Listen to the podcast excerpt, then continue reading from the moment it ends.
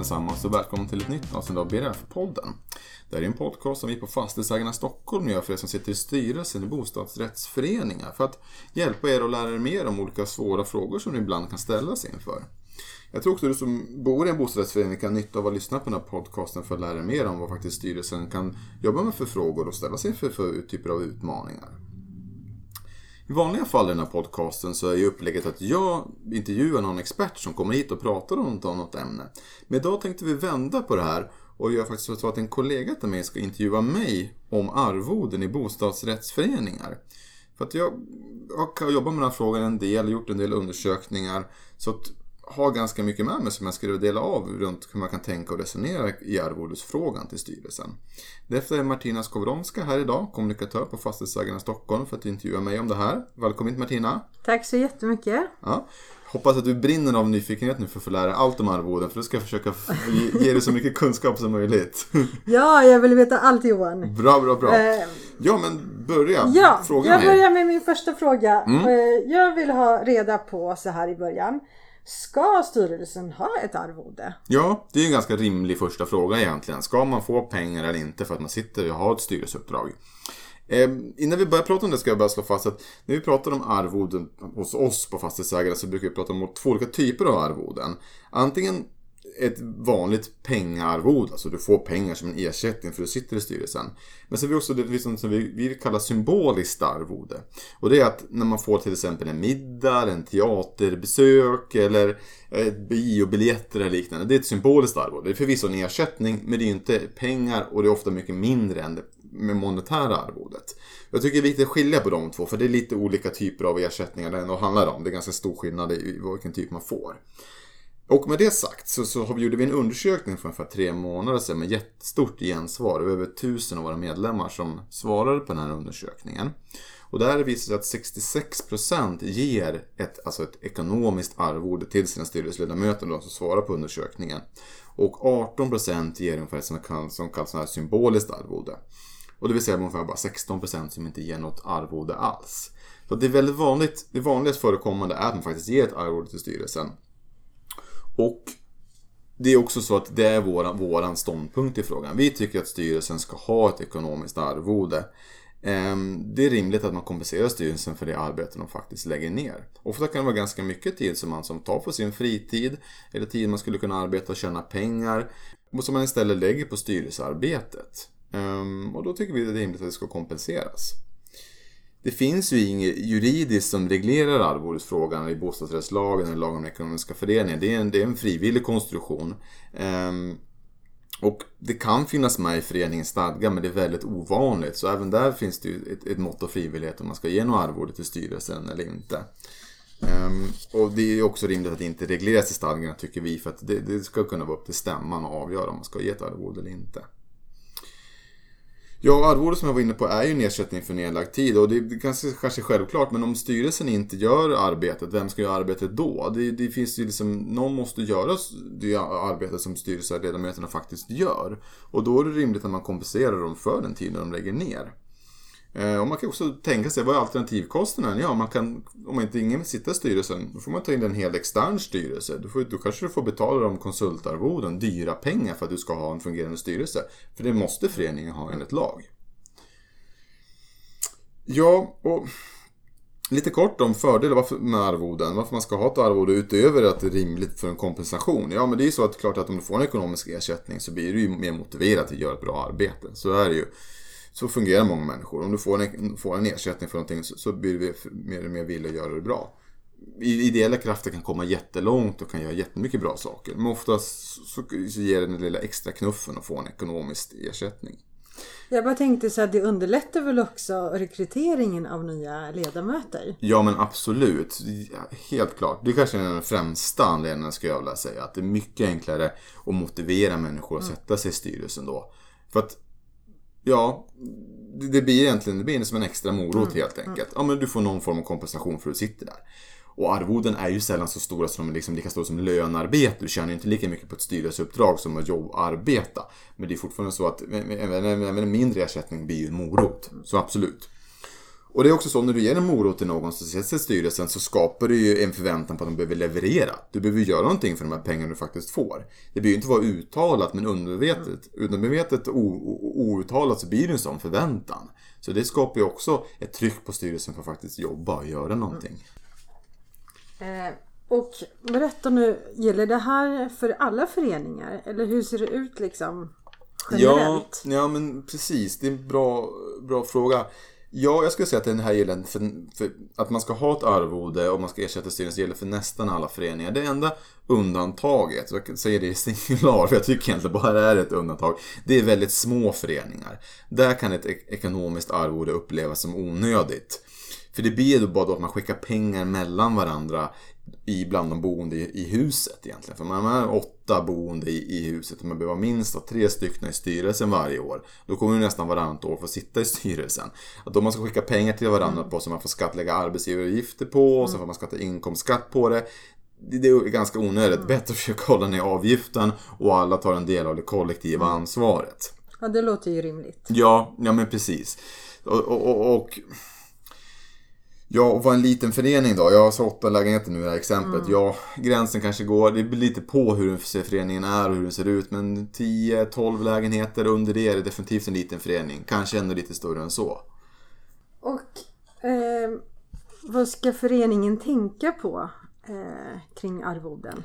Ja, jag tycker en viktig sak man börjar, om man bestämmer sig för att man ska ge ett arvode till styrelsen, är att man separerar på frågan på hur stort arvodet ska vara och på vilket sätt den ska fördelas. Jag tycker det är två olika frågor.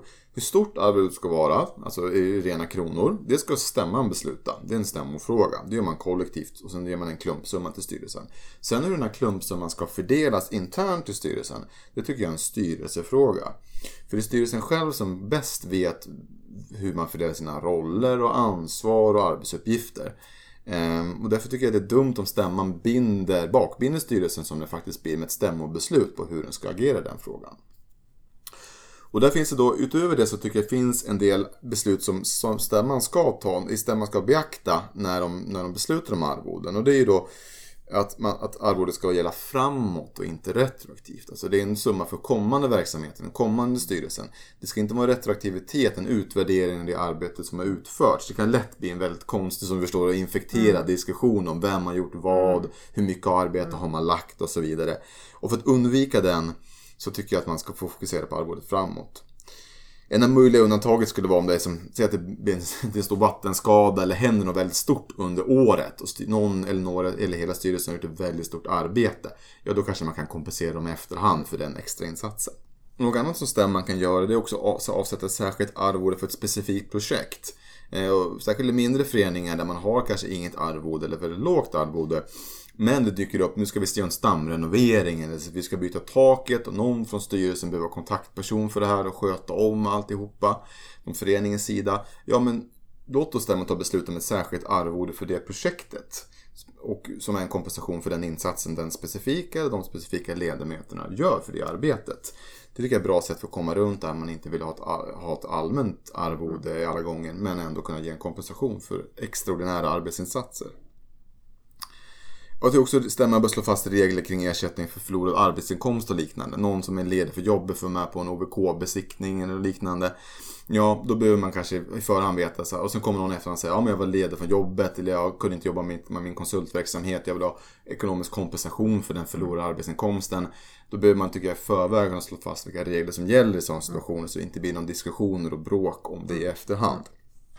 Och hur är det med fördelningen av arvodet till styrelsen? Ja precis, för nu har vi pratat om att stämman behöver ju slå fast storleken på arvodet men att styrelsen ska slå fast hur man fördelar arvodet. Eh, och jag tycker det är rimligt att, att man det, har arvodet. Man kan, så här kan man säga, det finns många olika modeller i man kan fördela arvodet och jag ser egentligen, egentligen inte att någon är rätt eller fel. Om man har ett fungerande sätt i sin förening så tycker jag man ska absolut ska fortsätta med det och inte bara lyssna blind på, på, på vad jag säger här idag. Eh, men jag tycker att en funger bra, välfungerande modell kan vara att ha ett rörlig och en fast del i arvodet. Eh, det är viktigt också då att man definierar tydliga roller och arbetsuppgifter och fördelar dessa i styrelsen. Det är bra för att styrelsens, för styrelsens arbete fungerar generellt. Men det är också väldigt tydligt när man ska fördela arvodet. Ordföranderollen får en viss peng, sekreteraren ekonomiskt ansvarig, kanske tekniskt ansvarig om man har det. Eh, då kommer en viss peng med de här rollerna. Sen den rörliga delen, den tycker jag ska, få, ska föras få små tidbok. Alltså man får tid när man utför arbetsuppgifter i styrelsen. Och de är kopplade till tilldelade arbetsuppgifter. Nu ska du ta in de här offerterna till exempel och, och, och kontakta leverantörer kring det här. Ja, då är det en arbetsuppgift och du för en tidbok runt det. Det behöver inte vara avancerat. Det kan vara en Excel-ark eller ett Word-dokument man skriver upp vilka timmar man har gjort och vad man har gjort. Um, och varför det är viktigt kopplat till arbetsuppgifter? Det är för att man ska undvika att skriva så här styrelsearbete fyra timmar. Eller det betyder ju ingenting. Uh, utan det är viktigt att ha relaterat till någonting hela tiden. Sen är det så här en tidbok, det är alltid, folk kommer uppskatta att saker och ting tar olika lång tid och olika liksom dels hastighet i sitt arbete men också olika typer av uppfattningar. Och så kommer det alltid vara, det kommer man aldrig komma undan. Men det blir ändå någon form av jämförelse möjligheter då emellan och se hur mycket tid olika ledamöter i styrelsen lägger. Det är också väldigt bra att kunna redovisa det för, för föreningens medlemmar i övrigt och stämma. Kolla så här mycket tid har styrelsen lagt. Och vi har lagt så här mycket tid på de olika arbetsuppgifterna. Styrelsen tycker jag också behöver slå fast en princip vad som gäller när man avgår från styrelsen i förtid. Ska man få delar av arvodet, hela arvodet eller så långt man har suttit. Det, tycker jag kan, det är upp till föreningen själva tycker. Jag tycker det kan vara rimligt att man får liksom en, en, den delen man har suttit. Om man har suttit ett halvt år så får man halva arvodet till exempel. Likaså vill man slå fast principer för suppleanter. Det är väldigt vanligt att man bjuder in suppleanterna till alla möten och de är närvarande. Ska då suppleanterna ha lika stort arvode, arvode som ordinarie ledamöterna? Ska de ha ett mindre arvode för de har ett mindre ansvar? Det behöver man också resonera sig fram till en modell som har fungerat i sin egen förening. Det kan ju ofta vara så att suppleanter gör lika mycket arbete som ordinarie ledamöterna. Då kanske det är rimligt att de också får lika stort arvode. Men de är mest bara där för att lyssna och kunna träda in vid frånträdet om en ordinarie ledamot. Ja, då kanske de ska ha ett mindre arvode. Eh, jo, nu skulle jag vara jätteintresserad av att veta storleken på det här arvodet. Ja, och det är ju en fråga som många är nyfikna på kan jag säga. Det är det, det, det, liksom där, där man hamnar när man pratar om de här såklart. Eh, och det är många, det, många tycker det är svårt att avgöra. Ligger vi rimligt i vår förening? Har vi för högt arvode? Har vi för lågt arvode? Hur relaterar vi till alla andra runt omkring? Eh, och vanligt, det, det, är en stor spännvidd. Vi gjorde den här undersökningen som jag refererade, refererade till här i början när vi tittade på hur vanligt var med arvode. Frågor... Och får jag bara lägga mm. in här att den undersökningen finns på vår hemsida. Ja, absolut. För er som Bra. vill eh, läsa lite mer och mm. uh, få lite mer mm. detaljer kring, kring den. Ja, den finns i sin helhet precis på Fastighetsägarna Stockholms hemsida. Ja. Under BRF-fliken där. Så gå in och kika där så kan man faktiskt titta och se hur sin förening ligger. Eh, det är spännvidd och storlekar på föreningen. Så det är jättebra där för att titta och få en uppfattning om vilken, vilken storlek på arvode som föreningar i ungefär samma storlek har. Eh, och för, ja, med det sagt, så precis det vad jag tänkte säga, att det är ett väldigt stort spännvidd. Medan små föreningar har ofta mindre arvoden, större föreningar har större arvoden. Där små föreningar, och då kanske vi pratar 20-30 lägenheter, kan ligga på ett halvt prisbasbelopp till ett prisbasbelopp. Och ett prisbasbelopp är då 44 800 kronor tror jag i år. Medan större föreningar kommer upp till 70, 80, 100 lägenheter. Där kanske man har två prisbasbelopp eller tre prisbasbelopp. Mm. så det är väldigt svårt att uppskatta det här. Men, men, men, gå in och titta precis som du sa. Jättebra tips på den undersökningen. Um, och ja, också självklart, timpenningen blir ju låg. Oavsett om det är tre prisbasbelopp eller ett prisbasbelopp så är man ju tre till kanske sju personer som ska dela på de här pengarna. Sen ska det skattas inkomstskatt och liknande. Det blir ju en ganska liten peng.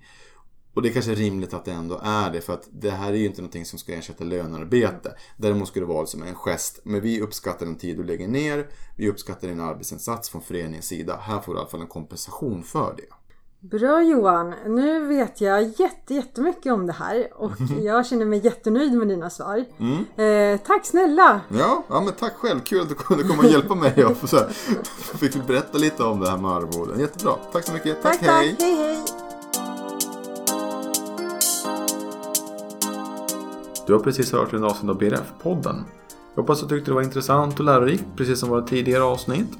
Du hittar fler avsnitt av den här podcasten på soundcloud.com, iTunes podcaster och även på vår hemsida fastighetsagarna.se Stockholm. Men det vill jag tacka för oss och hoppas att du vill lyssna på oss igen framöver.